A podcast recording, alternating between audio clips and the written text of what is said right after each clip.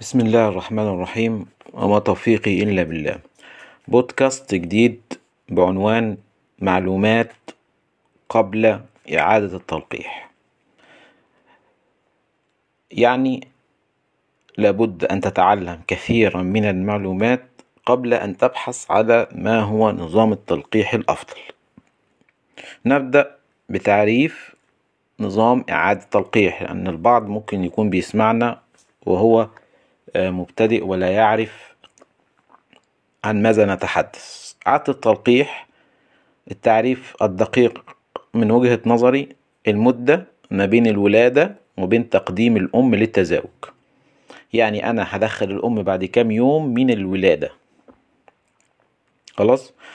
إحنا هنبني كل هذا البودكاست على معلومة واحدة فقط في بعض الكتب الأجنبية.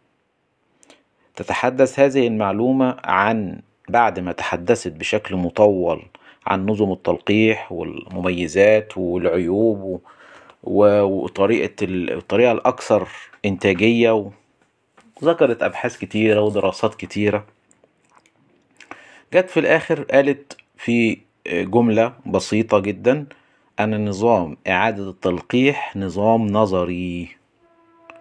تقدر أقدر أقولها لك كده في في جملة في جملة بسيطة خالص إن الأم بتفرض نظامها. ودي المصطلح أو الجزئية اللي إحنا هنتكلم عنها في كل البودكاست. بس هنفصلها بطريقة مربي في فهم هذه المعلومة. اولا الأم أنا بقدمها للتلقيح واحد. فأنا تقديمي لها للتلقيح ليس دليلا على قبولها. ممكن تقبل ممكن لا تقبل.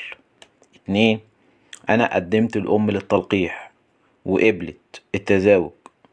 قد يحدث حمل وقد لا يحدث حمل فليس معنى قبولها للتلقيح أن من المؤكد بنسبة مية في المية تطلع حامل. لا قد يحدث حمل وقد لا يحدث حمل. نمرة تلاتة. تقديمي للأم للتلقيح وقبولها وكمان حملها جيت جستها لقيتها حامل. هل هذا يعني بالضرورة يعني نسبة مية في المية إنها ستستكمل هذا الحمل؟ ممكن تحمل ويحصل لها عملية امتصاص أو يحصل لها عملية تسقيط أدي نمرة تلاتة. نمرة أربعة. حدث التقديم وحدث القبول وحدث الحمل وجت تولد فوصولها لمرحلة الولادة لا يعني إنها تنجح هذه الولادة. ممكن تروح جايبة عيال ميتة أو جايبة عيال ضعيفة. نمرة خمسة. قبلت قدمتها. قبلت حملت ولدت نجحت الولادة. هل هل نجاحها للولادة ده معناه إن عيالها هتنجح هي في إرضاعهم؟ طبعا بالتأكيد ليس بالتأكيد مية في المية هيحدث ده. معناه إن إحنا عندنا كام مرحلة؟ خمسة. ركزوا بقى معايا أهو. خمسة. إن أنا أقدمها. إنها تقبل. إنها تحمل. إنها تولد. إنها ترضع دول خمس مراحل. لو أنت فكرت في إن نظام إعادة التلقيح ده مجرد نظام صارم وهيحدث هيحدث كل ده لوحده مجرد إن أنا قدمت نتاية بعد الولادة أو على العمر عشرة أو على العمر عشرين أو بعد الفطام فانت متخيل ان كل ده هيحدث أو بالضرورة انه يحدث؟ طبعا بالتأكيد لا. كل اللي رب عارف ان ده ليس ليس هناك ضمان بنسبة 100% ان كل ده يحدث. في نسب في نسبة أعلى في نسبة أقل. لذلك فهو نظام نظري. جميل كده؟ نخش على المرحلة على الجزء الثاني كل ده كل ما يحدث من اللي إحنا قلناه ده إن المربي بياخد النظام على إنه نظام ورقي يروح يطبقه. طيب لا أنت لازم آه لازم آه تفهم حاجات قبل فكرة النظام لأن كل الفشل اللي بيحدث ده في الخمس مراحل أحد أسب... أحد أسبابه إن أنت فاهم إن النظام ده نظام حقيقي ليس نظاما نظريا. فقد يحدث فشل في أي مرحلة من المراحل اللي إحنا ذكرناها. أنا لازم هنا أحط في حسبانك نقطة مهمة جدا. ليه بقى؟ لماذا بيفشل؟ لماذا يعد هذا النظام نظام نظري واحد للأسباب اللي إحنا قلناها كلها في الفشل؟ اتنين آه اتنين إن ان أنا تقديم الأم للتلقيح ده ليس معناه أن الأم بصحة جيدة. خلاص؟ ليس معناه أن الأم بصحة جيدة. يعني أنا ممكن أقدم أم للتلقيح وهي صحتها ليست جيدة. عندها أي مشكلة؟ قد تقبل. أجي اجسها ألاقيها فاضية. قد تحمل. تحدث عندها أي مشكلة في إيه؟ في في إتمام الحمل. أه تولد تحدث لها مشكلة في الولادة. فهنا قبولها للحمل قبولها للتلقيح أو حملها ليس دليلا على صحتها. ودي أحد الأسباب اللي بتؤدي بينا إلى مش مشاكل في الخمس مراحل اللي إحنا ذكرنا نمرة اتنين إن أي مرحلة أي حاجة في هذا في هذا التسلسل اللي إحنا ذكرناه ليس دليل على نجاح بقي بقية المراحل. فقد تنجح في مرحلة وتفشل في الآخر. لذلك هو نظام لذلك إحنا بنقول عليه إن هو نظام نظري وإن الأمهات بتفرض نظامها. بتفرض نظامها نتيجة لعوامل هنذكرها في البودكاست. نمرة ثلاثة إن إن قبول والحمل وقبولها في أي مرحلة من الخمسة اللي إحنا ذكرناهم ليس دليلا على إن وزنها الوزن. في وزن صحي وزن صحيح وزن جيد. فممكن تقبل وتحمل وتولد تفشل في الولادة وانت وانت لا ما لم تلاحظ إنها من بداية تقديمك ليها كان وزنها منخفض كانت ضعيفة. كان وزنها منخفض. كل ده مهم جدا. فإحنا قلنا إن ممكن الأم المريضة تقبل. وزي ما ذكرنا هل انت بتحس آآ آآ وممكن الأم بقى المريضة ودي بقى نقطة مهمة جدا. يعني أنا الأم عندي المريضة ممكن تقبل وممكن تحمل وممكن تولد وممكن ترضع. لكن هل انت بتنظر إلى ما بعد ذلك في البطن اللي بعدها؟ المربي للأسف بي بي بيقطع بيقطع بيقطع اللي ما قبله ويبتدي من من النهارده. طب انت شايف أنا جيت قدمتها بقى البطن اللي بعدها حصل فيها إيه؟ أنا قدمتها وهي مريضة. طب البطن اللي بعدها حصل فيها إيه؟ هل المربي عنده هذا الترابط ما بين البطنين؟ بيربط بين البطنين؟ بيربط بين حالة الأم وأنا مدخلها إنها صحيا جيدة أو إنها وزنها جيد وبين حالتها في البطن التانية والبطن التالتة؟ للأسف ده ما بيحدثش والمربي ما بينتبهش ليه. آه الأمهات بتفرض عليك نظامها. بتفرض عليك نظامها. إزاي بقى؟ في عدة أمور. أول أمر إنها ممكن لا تقبل أو لا تحمل أو ما تحصلش عملية نجاح للحمل نجاح للولادة نجاح للرضاعة. ادي نمرة واحد. نمرة اتنين ودي مهمة. إنها تمرض. فهي هتفرض عليك إن أنت بسبب مرضها إنك هتبتدي تعالج فيها وممكن ما تقدمهاش لعملية التلقيح. فتمرض. أدي فرضت عليك النظام ده مرضها. نمرة تلاتة. تفرض عليك نظامها في إنك انت تضطر تستبعدها بسبب ضعفها بسبب مرضها بسبب قلة إنتاجيتها. تفرض عليك نظامها بإنها تموت.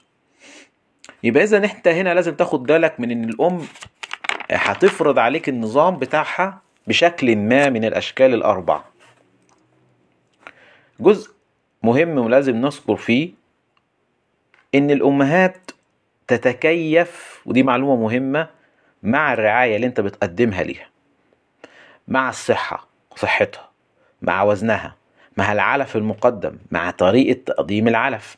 لكن هل إحنا بنفهم هذا التكيف؟ هل إحنا بنفهمه بشكل صحيح؟ لو جيت قلت لك إزاي الأم بتتكيف فترات التفويت اللي بتفوت على الأم والكل اللي إحنا ذكرناه من الفشل في المراحل الخمسة. هل إحنا بنفهم إنها بتريح ان تريحتها دي تكيف مع سوء الرعاية؟ فترات المرض اتنين فترات المرض الطويلة. تلاقي بعض الأمهات عندها فترة مرض طويلة بتمرض أو بتطلع من مرض لمرض. أو بتتنوع الإصابة أو بتتكرر الإصابة هي هنا بتتكيف مع سوء الرعاية اللي موجود. ولا بد أن نركز في هذه النقطة المزرعة اللي فيها مشاكل مزمنة فيها فالأمهات بتتكيف مع ده في إنها بتطيل فترة المرض بتتكرر لها المرض فبتوصل لنتيجة معينة إنها بتفرض عليك نظامها تتكيف مع الرعاية فبتريح. نمرة ثلاثة بعض الأمهات لا خفة لكن أبقى أقدمها لل... للذكر ما بتقبلش أو بتقبل وما تحملش اللي هي فترات النقاهة أو الرجوع من المرض بتبقى طويلة. يبقى هي بتتكيف بثلاث طرق الراحه المرض فترات الرجوع من المرض الطويلة. إحنا بنفسر ده إزاي؟ إحنا بقى بنفسر كل ده إزاي؟ التكيف اللي إحنا ذكرناه هو بالثلاث طرق دول. بنفسر إزاي إنها آه، بتتعامل معانا إنها بتفرض علينا نظامها إزاي بنفسره إزاي. إحنا بنفسر بأي حاجة غير إن إحنا أجهدنا هذه الام غير إن إحنا ما اهتماش بصحتها غير إن إحنا ما لم نهتم بوزنها غير إن إحنا ما اهتمناش بطريقة تقديم العلف ليها. أي تفسير غير إيه غير دول. إمتى هنتوقف عن هذه التفسيرات؟ ونفهم إن الأم بتتكيف مع رعايتنا وبتفرض علينا نظامها آه، لما نتوقف عن التغيير لما نتوقف عن التعديل ايا كان التعديل سواء بتعد بتغير في علف بتغير في تركيبة بتغير في إضافة بتغير في علاج بتغير في إضافة مية. إمتى هتبتدي تفهم ده؟ لما تركز على الرعاية الصحة الوزن طريقة التقديم التركيبة. خليني أقول لك كمان مه... نقطة مهمة إن الأم بتضحك عليك. بتضحك عليك بشكل ما لكن أنت لا تشعر بذلك. وهنفسر أكتر في الحتة دي. إزاي بتضحك عليك؟ أنت لا تهتم بصحتها فهي تعمل إيه؟ تعمل أحد الفشل في أحد المراحل الخمسة اللي إحنا ذكرناها. مش عايزين نقعد طول البودكاست نكررها. في القبول والحمل والولادة والرضاعة وكده. انت لا تهتم بوزنها فتحدث تحدث عملية فشل في أيا من من المراحل الخمسة اللي إحنا ذكرناها. انت لا تهتم بعلفها أو بطريقة تقديم العلف ليها أو تأكلها علفة موحدة معمولة للفطام. خد بالك من فكرة معمولة للفطام لأنها لو معمولة للفطام هتأذي الأمهات بشكل ما على المدى الطويل. ولو معمولة لل... ولو علفة موحدة معمولة لل... للأمهات هتأذي الفطام بشكل ما. انت لا تهتم بإنك تشبع الأم من الأكل فهي تعمل معاك أحد الفشل في المراحل الخمسة انت لا تهتم بالتطهير بالتهوية بالتنظيف فالام بتضحك عليك. تعمل اللي إحنا قلناه ده كله في السابق لكن المربي عامل آه، آه، يعني زي إن أمهات ما عنده مثلا قاعدة في الدور الخامس كمثال توضيحي. فالأم بتنخفض إنتاجيتها أو بتعبر عن آه، بتتكيف بإنها بتنزل سلمة سلمة سلمة سلمة. كل أنت الخطأ اللي أنت عملته هي عمالة تنزل تنزل تنزل سلمة سلمة. المربي إمتى؟ طبعا المربي مع تعدد أخطائه. مع تعدد الأخطاء اللي بيعملها مثلا هي نزلت لحد الدور الرابع لحد الدور يفاجئ المربي إنها في الدور الأول. فيبتدي يفكر ليس في أول خطأ هو عمله لا بيبتدي يفكر في آخر خطأ هو عمله. فيفقد كثيرا من آه علاجه فيعالج المشكلة وقتيا لكن تظهر تاني بشكل بشكل ما بعد فترة ما. فهو ما بيفكرش إنها إن انخفاض الامه إنتاجية الأمهات بينزل تنزل سلمة سلمة. هو لا يشعر بيها أو يبتدي زي ما قلنا يفسرها بتفسيرات أخرى. إحنا مش عايزين كل في حتة نعيد نفس الكلام في, في طريقة الفشل اللي اللي بتعمله الأمهات في الخمس مراحل أو إزاي بتتكيف أو إزاي بتضحك عليك أو إزاي بترفض تفرض نظامها. ارجع لأول البودكاست. آه لذلك تجميع اللي إحنا قلناه كله بقى. لذلك أنت لما تتحدث عن نظام إعادة التلقيح لازم تعرف إن هناك معلومات مهمة جدا جدا قبل أن تتحدث أو تتعلم إيه نظام التلقيح الأفضل. دول أنا بسميناه ما قبل نظام التلقيح. اللي أنا هقوله دول من عشر نقاط يعني اللي عايز يكتبهم يكتبهم واللي عايز يف- يفهمهم أكتر يرجع لأول البودكاست لأن أنا هقولهم بشكل إيه؟ سريع. واحد تقديم الأم للتلقيح ليس معناها بالضرورة القبول. اتنين قبول الأم للتل... لل- للتزاوج ليس معناه بالضرورة الحمل. تلاتة الحمل ليس معناه آه، اكتمال الحمل للولادة يعني اكتمال الحمل للولادة. أو نجاح الحمل لحد الولادة. أربعة الولادة ليس معناها إنها هتولد العيال رضع الرضع أحياء. خمسة الرضع الأحياء اللي اتولدوا دول أو نجاح الولادة ليس معناه إنك هتفطم من الأم دي عدد مقبول. ستة القبول للتلقيح أو الحمل أو نجاح الولادة أيا من المراحل اللي إحنا ذكرناها. ليس معناه إن الأم بصحة جيدة. حط تحت دي 100 خط. سبعة. أي من المراحل اللي ذكرناها؟ قبول حمل رضاعة. آه، ولادة. ليس معناه إن الأم بوزن جيد. تمانية. كل المراحل اللي إحنا ذكرناها. ليس معناه إن رعايتك صحيحة. تسعة. كل المراحل اللي إحنا ذكرناها قبول وحمل ورضاعة وولادة ليس معناه إن علفك جيد. عشرة كل هذه المراحل التي تمر بها الأم ليس معناها أن طريقة تقديمك للعلف آه، بشكل جيد. ننهي باللي إحنا بدأناه. أن نظام إعادة التلقيح ده نظام نظري لكل ما سبق أننا قلته. لذلك النتيجة فكر في صحة الأم في وزنها في إشباعها من الأكل في البيئة المحيطة بيها في طريقة تقديم للأم في إنك تعمل علف مخصص ليها.